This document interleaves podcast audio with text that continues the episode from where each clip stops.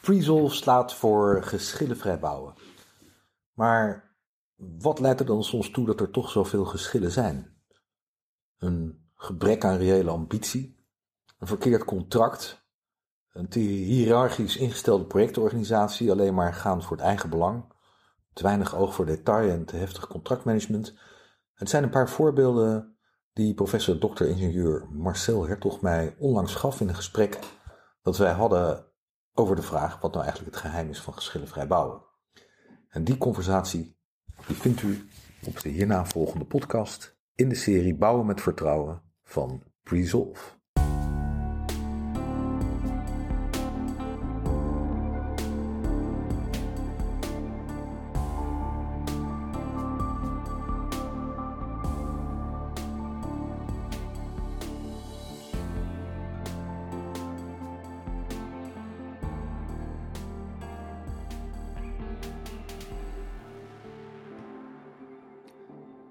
Welkom bij Bouwen met Vertrouwen, de podcastserie van Presolve, het expertisecentrum voor geschillenvrij bouwen. Mijn naam is Arend van Wassenaar en vandaag, in onze zeventiende aflevering, spreek ik met Marcel Hertog, of eigenlijk professor dokter-ingenieur Marcel Hertog, hoogleraar integraal ontwerp en beheer van civiele infrastructuren aan de TU Delft en hoogleraar Resilience, Convergence en Design aan de Erasmus Universiteit Rotterdam. Maar Daarnaast en ook daardoor onder meer ook bekend door zijn rol als zelfverklaard oliemannetje bij complexe bouwprojecten, onder andere vanuit Triple Bridge. En sinds 2022 is Marcel ook lid van Presolve. Een extra reden om hem voor deze podcastserie uit te nodigen. Welkom Marcel. Dank je Arend. Mooi, ik heb er zin in. Wat fijn dat we vandaag dit gesprek kunnen hebben Marcel, want ik weet dat je vol met verhalen zit. En vandaag gaan we het ook over een heleboel verhalen hebben, want is het leven niet een en al verhaal. En die verhalen uit jou komen uit je onderwijs en je onderzoeksfuncties. En ook uit je praktijkervaringen, waar we de afgelopen jaren veel over hebben kunnen lezen. En onder meer de co En niet alleen ik, maar ongetwijfeld zijn er alle luisteraars van deze podcast heel erg benieuwd naar. Je hebt ooit geschreven toen je bij Presolve kwam voor je write-up, voor je cv, dat je als kind heel graag met Lego speelde en bruggen wilde bouwen. En dat je daarom naar Delft bent gegaan. Maar wat is er allemaal daarna gebeurd? Wat heb je geleerd? Wat kun jij ons vertellen? Wat is jouw verhaal? Ja, Arend, ik heb er ook zin in. Ja, nou vertel eens Marcel, dus dat Lego bouwen, bruggen bouwen. Ja, ik, ja klopt. Ik, Waar kom je eigenlijk vandaan? Je komt uit uh, Rijswijk bij Den Haag. Rijswijk, uit Den Haag, krijg nou wat. Ja, ik krijg wel wat. Jij ook. Ja, ik kom ook uit Den Haag, ja. Ook uit Den Haag, Maar we laten toch weer proberen gewoon een beetje normaal Nederlands te spreken. Want anders ja, volgt uh, de helft van de luisteraars ons niet. Ja, opgegroeid in Rijswijk. Uh, gelukkig gezin. Um, ja, ik vond het altijd erg leuk om met Lego te spelen. Verder ook buiten te voetballen met vriendjes. Um, ja, en bruggenbouw vond ik erg mooi. Dus het was al vrij snel dat ik in uh, Delft wilde gaan studeren. Maar bruggenbouwen, echt bruggenbouwen of het uh, metaforische bruggenbouwen? Nee, ook echt, echt bruggen bouwen. Ja, hmm. ik vond echt een brug wel heel erg mooi. Ik dacht, ja, dat, die wil ik zelf ook wel laten ontwerpen. Ja. En ik was goed in wiskunde en natuurkunde. En uh, nou ja, dan... Uh, en, en, en Delft was ook in de buurt. Misschien speelt dat ook nog wel mee. Ja, kun je gewoon uh, op de fiets naartoe en Precies. een kwartier zit je er gewoon. Ja, nou, dat was een uurtje fietsen, maar dat is dan ook wel weer lekker.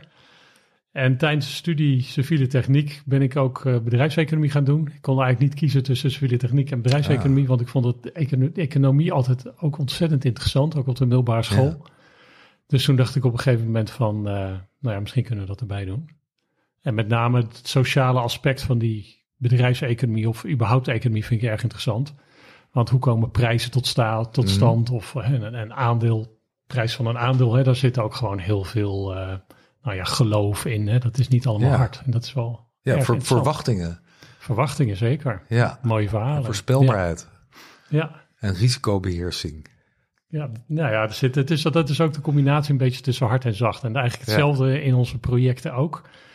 En um, ja, toen ik civiele techniek studeerde, ben ik betonconstructies afgestudeerd. Dat was een vrij harde afstudeerrichting. Maar al vrij snel had ik zoiets van: ja, ik, ik ben toch niet de echte constructeur. Daar heb ik toch ja, iets te weinig enthousiasme voor. En ik vond het vooral leuk.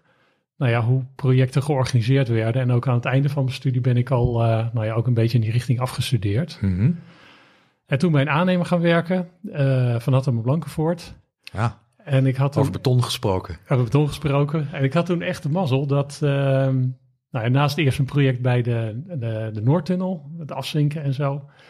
Uh, maar wat heel belangrijk is geweest, dat is uh, de Somvertkering Nieuwe Waterweg. Ja.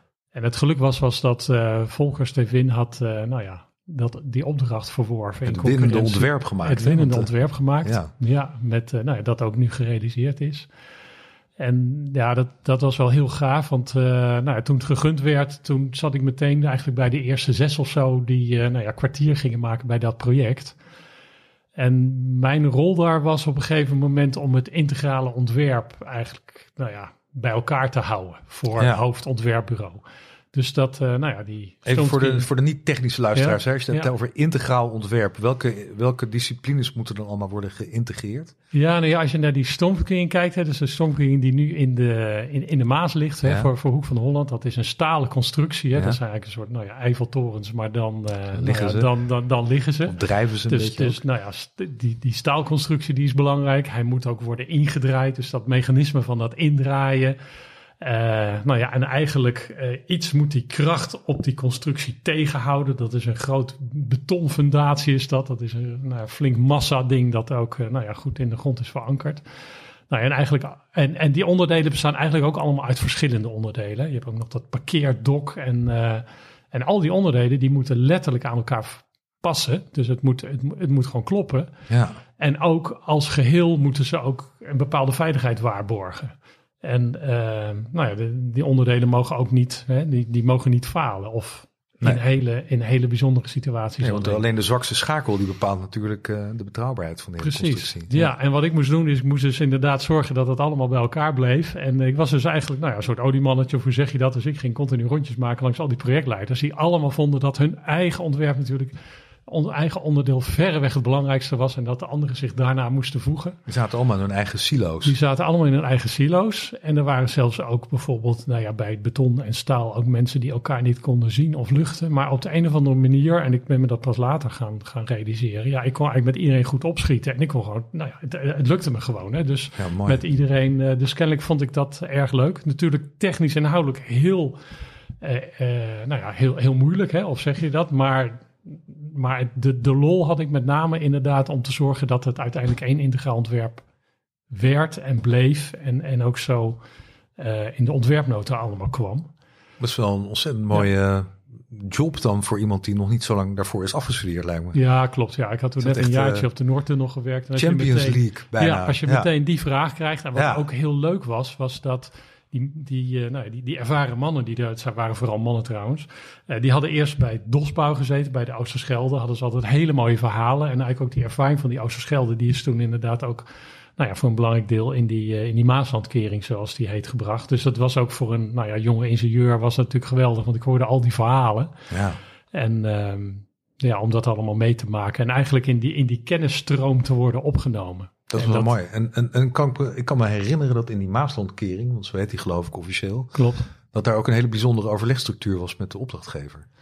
Ja, het was uh, de Oosterscheldekering was een soort bouwteam gebouwd. En dit was het eerste contract eigenlijk design, uh, beeld en maintain voor vijf jaar. En dat betekent dat die aannemer, die maakte dat ontwerp. Ja. Ja, en dat was voor die aannemer natuurlijk helemaal alleen, was best wel, nou ja, best wel uitdagend. Ja. En voor de opdrachtgever, Rijkswaterstaat, ook uitdagend om misschien een ontwerp waar je zelf niet voor had gekozen of bepaalde keuzes die je zelf misschien niet had gemaakt, maar misschien die wel voldeden aan de, aan de eisen om die toch goed te keuren. Dus je zag dat aan beide kanten, er, ja, het was heel moeilijk om dat proces goed te krijgen. En er ging dus ook heel veel energie en heel veel tijd zitten in elkaar overtuigen. En uh, het was echt een cultuuromslag aan beide zijden. Uh, dat de aannemer echt het ontwerp moet doen en, en moet uitvoeren, daarvoor verantwoordelijk. En dat Rijkswaterstaat meer moet toetsen of accepteren. Ja, ja. hele nieuwe rollen. En, maar ja. daar hadden ze toch ook een soort overlegstructuur voor afgesproken, geloof ik. Dat er, als er issues waren, dat ze die op een heel hoog niveau met een soort herenmoedersachtig. Of dat er, ik, ik kan me zoiets herinneren. Ja, toen ik erbij zat speelde dat nog niet zo. Ik heb wel begrepen dat toen ik wegging dat op een gegeven moment het ook heeft geclashed. En toen hebben ze eigenlijk bij elkaar zijn ze weer eigenlijk op de, op de, op de DOS-bouwmanier, bouwteammanier hebben ze de oplossingen gevonden. En toen, toen is het weer teruggegaan. Oh, ja. Maar toen ik erbij zit was het vooral... Uh, nou ja, was het vooral heel stroef en stroperig, kan ik me herinneren. Maar als je trouwens bedenkt, ik zit me even gewoon voor te stellen, maar het, uh, het, het risicoprofiel van de Oosterscheldekering, als je dat afzet tegen de Maaslandkering en het gebied, de, de impact die het falen van de ene constructie heeft uh, in vergelijking met de andere, dan is die Maaslandkering eigenlijk, als het daar misgaat, gaat het echt mis. Ja, dat is een heel goed punt, Arend. En daarom was ook die, uh, nou ja, die, die, die veiligheidseisen, die waren ook zo enorm hoog. En het is ook wel zo dat je, dat je achteraf kan zeggen, maar ja, achteraf is natuurlijk altijd makkelijk van ja, had je wel als een van de eerste of contracten design, beeld en vijf jaar maintenance, had je dat wel uh, zo, zo moeten uit, uit ja. hè, zo op de markt moeten brengen. Ja. Um, want het is ja, voor zo'n constructie met zulke hoge veiligheidseisen. Ongelooflijk. Ja, dus dat is wel. Um, maar goed, Marcel, dat was een beetje aan het begin van jouw carrière. En Klopt. Uh, inmiddels zijn we, hoeveel? 20 jaar, 25 jaar verder? Ja, zeker, zeker. Nou ja, zeg maar 35 jaar. 35 dus jaar 25 verder. jaar, uh, nou ja, eerst bij de aannemer en toen bij Berenschot Osborne en later ET Osborne gewerkt. En ja. Nou ja, ongeveer de laatste 10 jaar uh, binnen de universiteit. Um, ja, wat wel belangrijk was, was dat na de uh, Nieuwe Waterweg... Um, ja, toen dacht ik wel, toen ik bij een aannemer werkte, ik dacht van ja, dit, dit is zo gaaf, dit, dit, ga, ik, dit ga ik niet meer krijgen. Mhm. Mm -hmm. En heel veel projecten bij zo'n aannemer op dat moment was, in, nou ja, wie, wie is het slimst in logistiek inkopen en wie kan ook uh, goed onderhandelen en dergelijke. En ik dacht ja, ik ben toch ook wat meer van de creativiteit en van het samen en zo. En toen uh, ben ik naar Berenschot gegaan. Die wilden een infrastructuurafdeling uh, opzetten. Het was uh, Berenschot Osborne was huisvesting. En ik heb toen die infrastructuur, ik was de eerste, heb ik toen Oh, mogen ja. opzetten. En nou, dat is toen ook heel snel gegroeid. En ik, nou ja, naar... Enorm, waren een 20, enorme grote 30, speler. ja, ja. Dus dat is, dat is toen begonnen. En van daaruit kreeg Berenschot de opdracht voor de Betuwe-route. En ik ben in 95, eerst in 93 via het ministerie, maar echt, echt heel serieus vanaf 95 bij NS Rail Infrabeheer toen nog bij de Betuwe-route gaan werken. En toen hebben we heel fundamenteel nagedacht van, van wat is nou eigenlijk zo'n groot project en, hoe, en, en wat zijn de kenmerken ervan en, en hoe komt het dat, het, nou ja, dat we hier zo in de shit zitten en hoe komen we eruit? Hè? Dus eigenlijk Mhm. op het diepste punt hadden ze gevraagd. Ze zeiden, joh Marcel, je had ook het een en ander in de organisatie gedaan bij die Maaslandkering. En bij de Beterroute hebben we dat ook nodig. Zou je bij NS Rail Infrabeheer kunnen komen om te kijken hoe we dat project uh, beter kunnen organiseren. Um, natuurlijk met anderen, dat kan je niet alleen. En, en eigenlijk die Beterroute, eigenlijk die, die Maaslandkering en die Beterroute, ja, dat is eigenlijk het begin geweest van een hele grote stroom aan grote projecten met de promotie en weet ik het. En ik denk al 25 projecten die ik echt in detail ken. En dat is eigenlijk, ja, eigenlijk de mazzel van die Maaslandkering en de mazzel van die, van die Beterroute. En natuurlijk, het project ging niet goed, hè, maar ik heb er. Ook Delen gingen wel goed, hè? Delen gingen zeker goed. Want Ja. op een gegeven moment, uh, eigenlijk in die uitvoering, is het project heel goed gegaan. Ja. En ook, uh, nou ja, een Deense hoogleraar Vlufberg heeft toen ook gezegd: ja, dit is gewoon best practice hoe jullie dat toen hebben gedaan. Ja.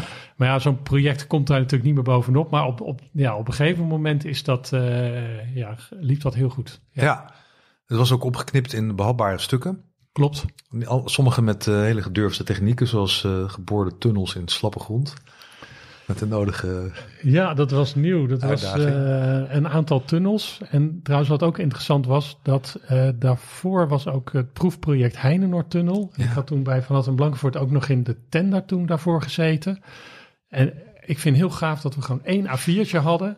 En dat stond gewoon op waar, waar, waar dat aan moest voldoen. Ja. En, en dat was ook gewoon wat we indienden. Ja. Er waren vier consortia. En uiteindelijk was het consortium van ons had het, uh, nou ja, had het inderdaad het beste ontwerp. Dus die heeft later ook bij de bouw betrokken geraakt. Dat is trouwens ook, uh, en ik vraag me soms wel eens af met die enorm dikke contracten. Um, ja, moeten we niet weer terug? Want ook dat Maaslandkering-contract was eigenlijk ook een heel dun contract. Ja. Nou, dat is een heel interessante vraag. Want, um, maar daar gaan we het zo wel over hebben. Want wat, wat, wat, heel erg leuk, wat ik heel erg leuk vind en, en wat je onder meer hebt gedaan, is dat je uh, ook hebt bijgedragen, of sterker nog, de inspirator bent geweest voor het Netlips project. Ja, Netlips is... Of eh, programma? Of, hoe moet je Ja, dat, staat, ja dat, dat kwam eigenlijk omdat eh, op een gegeven moment via E.T. Osborne ging de infrastructuurgroep als een, eh, een enorme vlucht. Hè. We zaten op een gegeven moment bij alle grote projecten in Nederland. Of nou ja, ik, ik wist ook een beetje hoe die georganiseerd waren. Het was natuurlijk, ben altijd als een spons en ik vind, nou ja, ik vind het echt geweldig. Dus ik ga er altijd helemaal op. Dus op een gegeven moment nou ja, hadden we wel een beetje door, oké, dit is een beetje state of the art in Nederland en daar doen wij ook ons best voor. Maar hoe doen ze het nou eigenlijk in het buitenland? Hè? Ja. Ik had wel gehoord van de West Coast Mainline in Engeland. En er was een Zwitserse hoogleraar die had een, een kort onderzoek gedaan naar allerlei projecten in Europa. Hans-Rudi Schalger. Mhm. En toen ben ik met een collega, Frank Mouwen, naar eh, Zurich gegaan. En, en die was ook meteen enthousiast. Toen hadden we zoiets van, ja, maar eigenlijk zouden we iets meer Europees moeten doen. Nou, op dat moment werkte ik heel intensief samen met Leonard Bouter. Die was projectdirecteur Beterroute en ook, ook HSL op een bepaald ja, moment. zeker. En die zei, joh, maar ik heb nu ook een internationaal netwerk op het gebied van, rail freight. En kunnen we, hè? Nou ja, ik heb er ook wel interesse in. Dus toen eh, ben ik een rondje gaan maken langs allerlei mensen in, in Europa of ze hier zin in hadden. Samen met eh Han Kok, dat was de communicatiemanager van eh, de Kop van Zuid en later ook Ja. Beterroute. Ja. En die kon echt zo makkelijk contact met iedereen leggen. En, en hij was de communicatie. En, en ik was dan meer degene die, eh, nou, die inhoud bracht. En eigenlijk Precies. het verhaal waarom dat de stad zouden moeten doen. Zo 2002, 2003. Nou, Leenaert die vond het natuurlijk ook allemaal prima. En toen zijn we ook nog een keer in Zwitserland en in Rome geweest met een hele groep. Ook met allerlei projectdirecteuren. En in 2004 op een gegeven moment kwam Paulian Staal erbij, Mirjam Kouwvern en Eddie Westerveld. En toen hebben we, een grote, hebben we een aanbieding gedaan of een voorstel voor de Europese Commissie. En ehm, dat hebben we toen in 2006 gekregen. En toen is het echt, echt goed gaan lopen. En toen hebben we dus 15 grote projecten in Europa onderzocht. Vanuit dat netlistonderzoek. Er is ook een boek van uitgekomen, Ja. Managing Large Infrastructure Projects. ja, mooi boek. En ja, dat, ja dat, is, dat is geweldig. Dus ehm, dat is ook eh, ja, een heel mooi traject geweest met een, met een team dat ook gewoon eh, elkaar heel goed wist te vinden. Ehm, Ja, en het bestaat nog steeds. En een van de eer- eerdere Ja. deelnemers aan deze podcast, Hans Ruiter, is daar nu voorzitter van, heb ik begrepen. klopt, ja, Ja. zeker. Ja, En ja. Jullie komen nog steeds bij elkaar en jullie steeds meer mooie projecten. Er is nog een boek geweest, ja als ik me goed precies. herinner. En, Ja, eh, Tien jaar. Ja, dat heeft Paulian Ja. Staal toen inderdaad geïnitieerd. Dus na, na ongeveer tien jaar Netlips is dat boek uitgekomen. Hans Ruiter nu erbij. Dus het is wel heel mooi om te zien dat, eh, nou ja, dat het gewoon wel steeds hele goede mensen trekt. Ja. ja. Maar daaruit leer je heel veel lessen. En je, je- wat je al zei, je bent een spons. Je zuigt alles op. En eh, omdat je ook heel verbindend bent en makkelijk contact legt. ehm, eh, zoals je zelf daarnet ook al vertelde in die Maaslandkering. Ben je de afgelopen jaren ook wel bij een paar hele grote projecten terechtgekomen die wat minder goed gingen. Ja, op een gegeven moment en dan eh, noemen ze mij de projectdokter. Ehm, ja, bij een aantal projecten die, die dan letterlijk tot stilstand zijn gekomen en waar enorm hoge claims over en weer zijn. En, en eigenlijk zoiets hebben we handen in het haar van, van hoe moeten we hier verder. Ehm, ja, word, word ik eh, af en toe gevraagd om die projecten dan, eh, dan te helpen. Ehm, ja, en dat is wel dankbaar werk. Ik weet nog wat toen ik bij Osborne ook werkte, deden we dat ook al wel.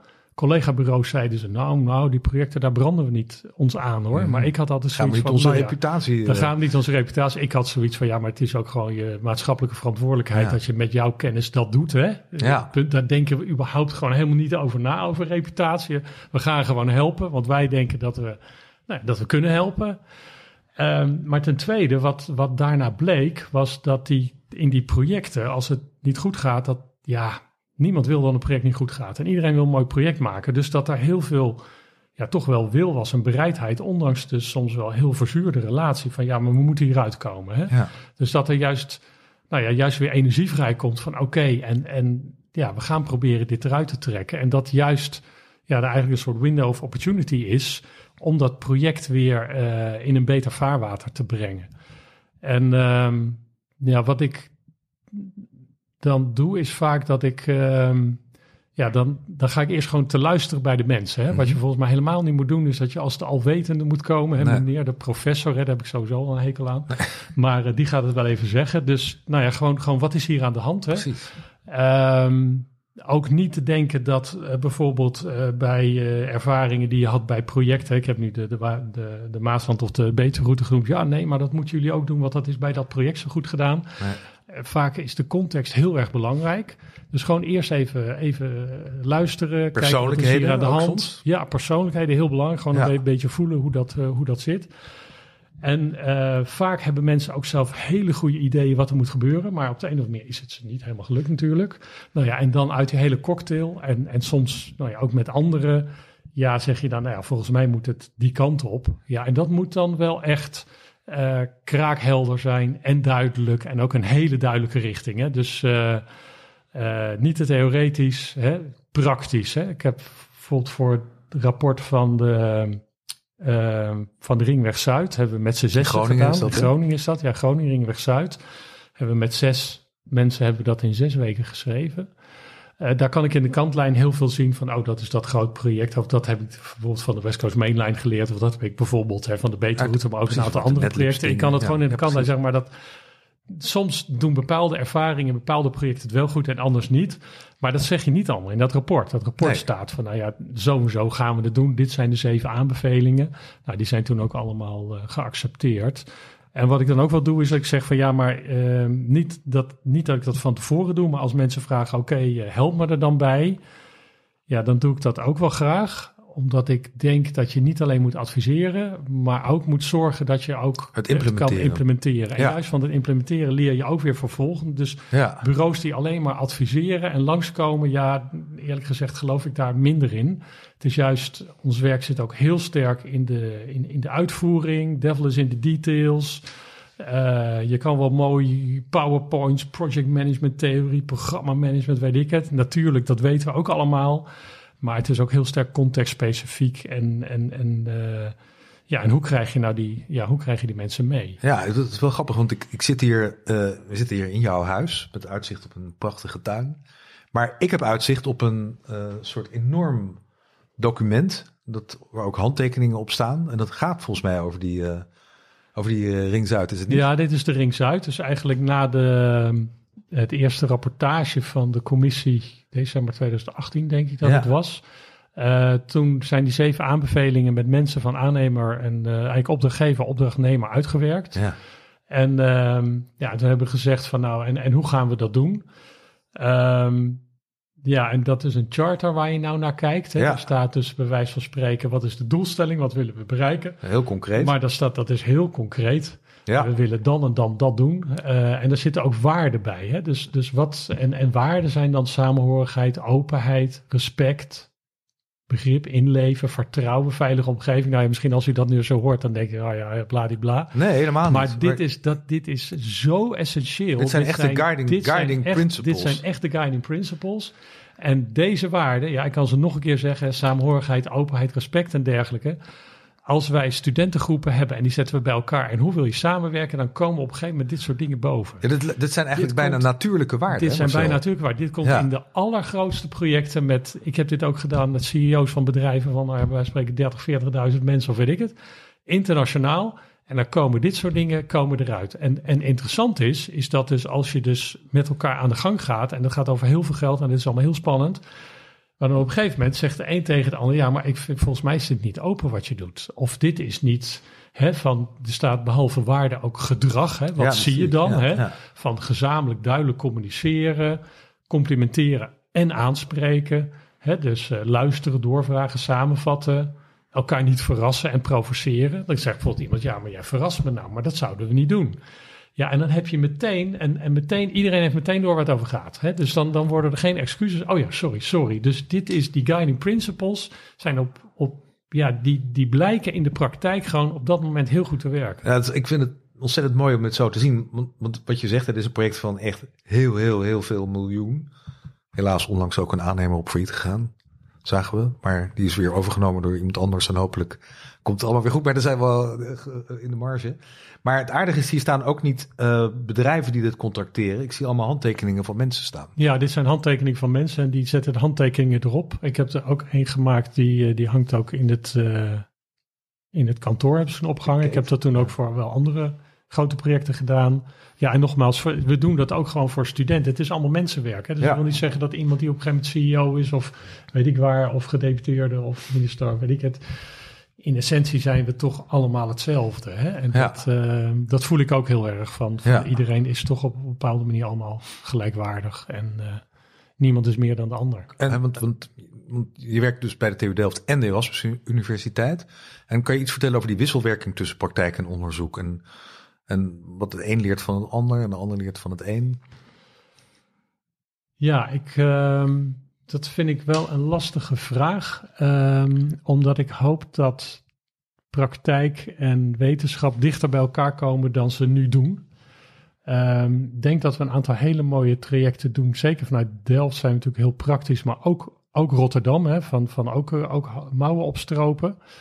Maar ik zie wel dat we vanuit de wetenschap nog heel erg met onze papers bezig zijn en, en onze eigen manieren, maar ook onze eigen dingen. Van oké, als je met ons samen wil werken, dan moet dat een proefschrift zijn. Of dan, hè, dus onze, eh, wat wij kunnen bieden is ook wat minder breed.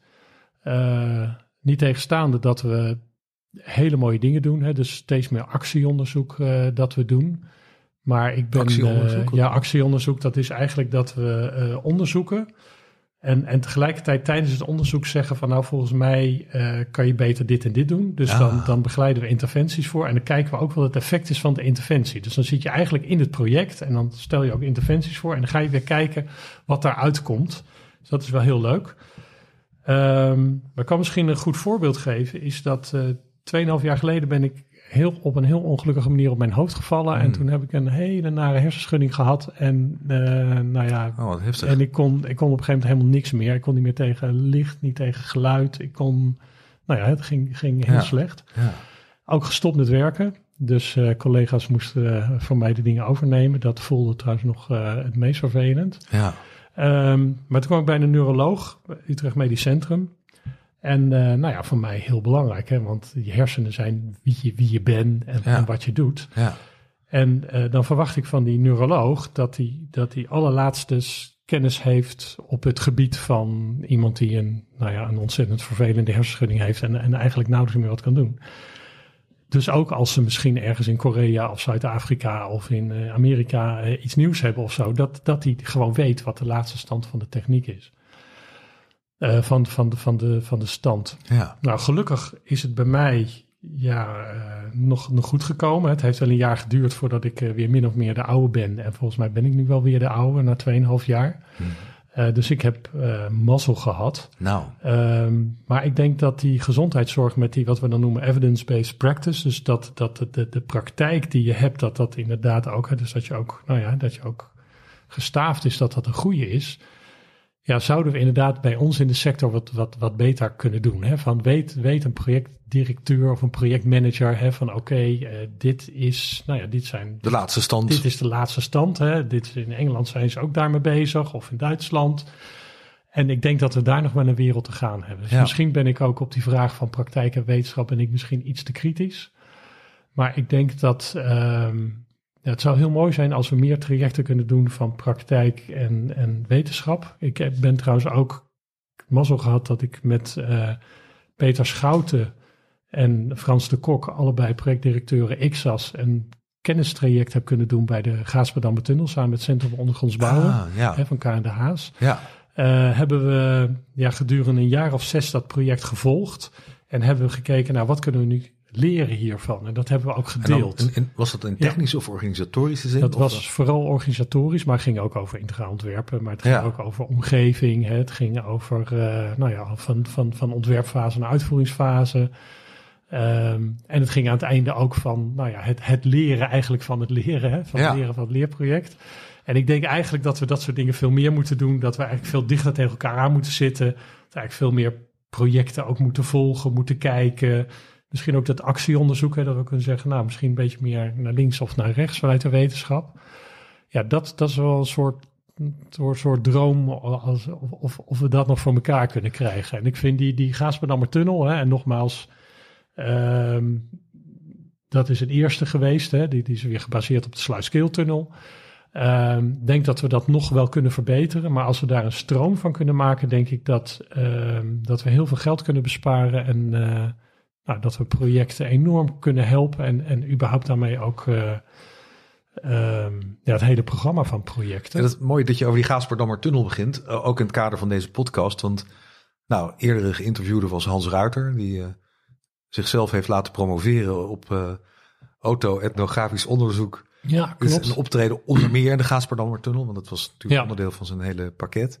Sander Lefevre, die, eh, die heeft ook van alles verteld over leerervaringen op de Gaasperdammertunnel. Dus kennelijk is dat een, een project geweest waar, waar echt heel veel mensen op heel veel verschillende manieren van hebben geleerd. Ja, dus dat is op zich heel mooi. Ja. Het trouwens, proefschrift van Hans Ruiter is trouwens wetenschappelijk ook heel mooi, omdat hij eigenlijk zijn eigen werk onderzoekt. Ja, dat dat, auto-etnografische. Ja. En ik heb nu ook een promovendus die dat ook doet. En die put ook weer uit het werk van Hans. Dus behalve dat Hans het praktisch goed, vind ik ook vooral dat, dat Ja, leuk is dat, die, hè? die theoretische, ja, dat is echt, echt heel mooi. En de lessen die daaruit worden geleerd, die zijn weer verschrikkelijk relevant voor het werk dat jij doet. Klopt. Hè? En, Ja. en het, hoe mensen moeten samenwerken en hoe je vertrouwen opbouwt en verhalen vertellen. Ja, Toch? Ja, Want ja. dat hoort daar ook bij. als zeker, het goed- zeker. goed herinner. ja, zeker, zeker, zeker. Ja. Maar weet je, vroeger, en misschien nog wel steeds, hoor je aannemers heel vaak zeggen, ja, projecten zijn uniek. Het is allemaal heel erg uniek. En het is, het is, alles moeten we opnieuw doen. Terwijl, als ik jou goed beluister, zeg je, ja, dat kan misschien wel allemaal zo zijn, maar het is een stroom. En, en, Ja. en natuurlijk kun je daarvan leren. Natuurlijk kun je al die eh, processen steeds verbeteren en opnieuw toepassen. Uiteindelijk is het uniek qua uitdaging van de omgeving en functies. Maar die zijn ook weer niet uniek, want al die verschillende omgevingen zijn er al lang geweest. En die functies ook en die technieken ook. Ja, je kan. Dit, de, nou ja, wat ik ook met ehm, Ring Zuid vertelde, hè, van dat je kan putten uit heel veel ervaringen van, van projecten, maar dat je wel goed moet kijken van welke ervaring is hier van toepassing en welke ervaring is niet van toepassing. Dus enerzijds dat contextgerelateerd is belangrijk, maar 80% is gewoon standaard. En, eh, Ja. en natuurlijk kunnen we, kunnen we heel veel van elkaar leren. En dat moeten we ook weer niet te moeilijk maken. Ehm, dus ik denk ook die vaardigheden, we hadden het net over die, die openheid en dergelijke. Ehm, ja, dus het. En, maar aan de andere kant, wat ook zo belangrijk is, is dat je je zaakjes goed voor elkaar he- hebt. hè. Mhm. Dus ik gepromoveerd en we hebben met Eddie Westerveld eh, een heel groot onderzoek met naar, naar zes grote projecten. Eigenlijk had je op één project al kunnen, kunnen promoveren, Ja, maar we hebben er heel veel eh, hebben er onderzocht. Ehm, maar daar komt ook uit dat enerzijds natuurlijk, waar we het nu over hebben gehad, die samenwerking en ook nou ja, zorgen dat er eh, geschillenvrij gebouwd wordt, is ook eigenlijk de controle noemen we dan een hygiënefactor. Dus je moet je kostenmanagement goed op orde hebben, hè, je, moet, je moet je planning goed op orde hebben, afspraak is afspraak. En dat noemen we dan een hygiënefactor. Ehm, als het, je verwacht dat het goed is, en dan krijg je er niet echt complimenten voor, maar als je het niet goed hebt, dan vindt iedereen het wel heel erg vervelend. En dat is, dat is wel heel erg belangrijk ook. Dus die gewoon die, ja, en ook die, die, die bouwkennis gewoon, hè, van, van hoe gaat dat bouwen? Nou, die uitvoeringskennis ook. In, in Maar die, die, zou toch gewoon, die zou toch gewoon standaard moeten zijn? Want het is gewoon wat iedereen verwacht. Dat, dat, dat, Ja, maar dat is het dus niet. Dat is het dus niet. En ik zie soms vaak ook vrij hoog in, in organisaties, overigens niet de project die ik net heb genoemd, maar dat, ja, mensen toch iets te ver van die, van die dagelijkse praktijk. En wat ik zeg, devil is in de details. Ehm, ja, je moet, theorie is leuk, kan, je- kan, kan, je, kan je hele mooie dingen brengen, maar het is en die theorie en die gedachte erover, maar ook van hoe werkt het hier überhaupt in de praktijk? ja. In deze context of in dit land. En, en Marcel, waar, waarom gaan dingen toch dan mis? Waar, waar, waar ligt dat aan? Ligt dat dan aan het juist tegenovergestelde van wat je net zei? Dat de grote afstand tussen praktijk en management, of te weinig aandacht voor de details, of te gemakkelijk je ergens van afmaken. Wat, wat zijn faalfactoren volgens jou? Ja, ik denk ten eerste dat je reële ambitie moet hebben. Mhm. Ehm, Dus het gebrek aan reële ambitie. Ja, of dat je inderdaad ook ja, een, een, een, een dermate contract hebt aangenomen waarvan je achteraf zegt van ja, da, da, daar, kan ik het, daar kan ik het nooit meer van ma- meemaken. Hè? Ja, dat is. En daar wel aan, eh, aan gehouden wordt. Dus dat, ehm, ja, ik denk ook wel die, die vaardigheden, vaak ook een, nee, misschien iets te hiërarchisch denken en te veel denken vanuit eigen belang, denk ik een belangrijke is. Eh, toch ook een beetje onbekendheid. Hè? Zeker als je met elkaar wil samenwerken, dan eh, in Friesland ook een bestuurlijke alliantie mee helpen opzetten tussen eh, gemeente en, en provincie en Rijkswaterstaat. En mensen daar die erin werken vinden het allemaal ging, ging heel goed. Maar nou ja, hoe verder de organisaties van de, van de werkvloer af waren, hoe spannender ze het eigenlijk vonden. Ja, En ehm, ja, ik denk soms ook wel ehm, te veel keep it simple of te veel vanuit één eh invalshoek bekeken. Hè? Dus, dus heel erg vanuit de contractenkant. Hè? Dus ik vind ook uh, dat de contractmanager zo'n hele centrale rol heeft in de uitvoering in het IPM-model en niet de projectdirecteur, vind ik zelf een weefhoud. Kan ik me voorstellen. Ja. Ja, want die contracten die, die scheppen natuurlijk wel veel duidelijkheid. En het is goed dat er processen worden nageleefd. Maar het is niet. Het, ik heb dus ook een boek geschreven, ooit een keer. En uh, er ook interviews uh, voor gedaan over de hele wereld. En een van de lessen die ik kreeg van hele ervaren mensen was: contracting is een secondary concern. Ja. En um, onderwijs, heb je nog iets? Misschien dat er ook jonge mensen luisteren naar deze podcast, mensen die nog geen techniek studeren en dat zouden moeten gaan doen. Uh, mensen die het al wel studeren, graag het ook allemaal heel goed willen doen. Heb je daar nog een goede raad voor?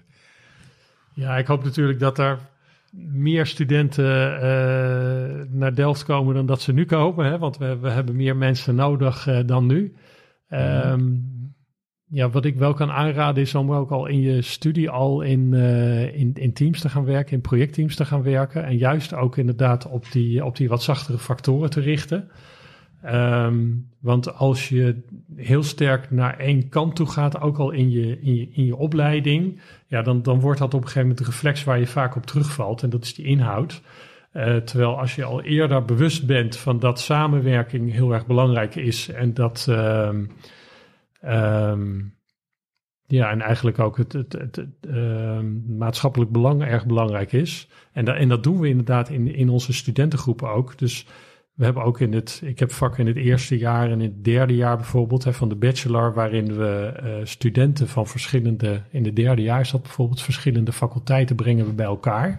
Dus dat is dan rondom een, een integrale opgave in, uh, in Rotterdam. Hè? Mm -hmm. Dus bijvoorbeeld een, een, een, nieuwe, een, een, nieuwe brug of zo. Ja. Uh, en dan zijn er van elektrotechniek en dan zijn ze van bouwkunde, civiele techniek en werktuigbouw en industrieel oh, ontwerp. Die komen allemaal bij elkaar. En wat me nou altijd opvalt is dat wij na twee jaar, want ze beginnen dan in het begin van het derde jaar ermee, zijn we kennelijk al in staat om die studenten al ja, hun, eigen werkwijze of hun eigen dingen mee te geven. Dus we moeten moeite doen om elkaar op dat moment alweer een beetje proberen te, begrijpen. Terwijl ze voor een belangrijk deel allemaal wiskunde natuurlijk of weet ik het, heel veel dingen hetzelfde hebben gehad. Gaat dat dus kennelijk heel snel. En, en hoe verder je in de. Dus die silo's, daar worden ze, worden die ze vroeg. silo's, ja, het had mij verbaasd. Heeft mij inderdaad enorm verbaasd. Ook met dat derde jaar in die, uh, in, in die projectgroepen. Dus dat dat eigenlijk dan al is. Hè. Het kan natuurlijk ook zijn dat bijvoorbeeld bouwkunde andere mensen trekt dan bijvoorbeeld werktuigbouw. Hè. Dat, Mhm. dat kan er eigenlijk al een beetje in zitten. Maar uh, nou ja, die, die silo's, ja, die, die zien wij dus al heel vroeg in de studie. En wat ik in Delft doe, is dat ik heel veel nou ja, interdisciplinary teams, hè, dus teams van verschillende faculteiten, van verschillende afstudeerrichtingen bij elkaar breng. Daar hebben we ook nog wel een potje voor. Uh, afgelopen, uh, ik heb een instituut in Delft, daar hebben we dan iets van 40 van die groepen ook uh, nou ja, geholpen om die naar het buitenland te gaan, financieel. En, ja, en wij doen ook onderzoek naar van, van um, als verschillende mensen van verschillende disciplines, verschillende organisaties gaan samenwerken. Wat gebeurt er dan en hoe zou je dat kunnen faciliteren? Dus aan studenten zou ik zeggen van, ja, doe daaraan mee. Ja. Uh, want dat is, dat is echt heel gaaf. En toekomstige opgaven, zeker ook de vervangingsopgaven die we gaan krijgen, zijn steeds, steeds integraler. En uh, als je een kadermuur moet vervangen, dan, dan kijk je ook inderdaad naar, uh, nou ja, hoe zit het hier met, met, met, met, met energie en met afval en met bomen en weet ik het. Dus, dus mobiliteit. Dus alle opgaven worden steeds integraler. En de lessen waar we het net over hebben gehad, die ook voor geschillenvrij bouwen, die worden alleen maar belangrijker Ja. dan dat ze nu zijn. Ja. Mooi Marcel. Hartstikke mooi zelfs. Heel veel dank. Want ik denk dat we, wat ik al zei, nog heel lang kunnen doorpraten. Maar we zijn qua tijd nu helaas aan het einde gekomen van deze podcast. Ja, ik hoop dat, uh, dat, de, dat de luisteraar het ook interessant vindt en dat hij tot hier ook uh, uh, is gebleven. Ik weet het haast wel zeker. Dus ontzettend veel dank, Marcel. Luisteraars, dit was aflevering 17 van Bouwen met Vertrouwen. De podcastserie van Presolve, het expertisecentrum voor geschillenvrij bouwen. Vandaag sprak ik met Marcel Hertog, hoogleraar aan de TU Delft en Erasmus Universiteit en, heel belangrijk, lid van Presolve. Deze podcastserie is te beluisteren via Apple en Spotify, waar je zich ook hierop kunt abonneren. En we zien u heel graag terug bij volgende aflevering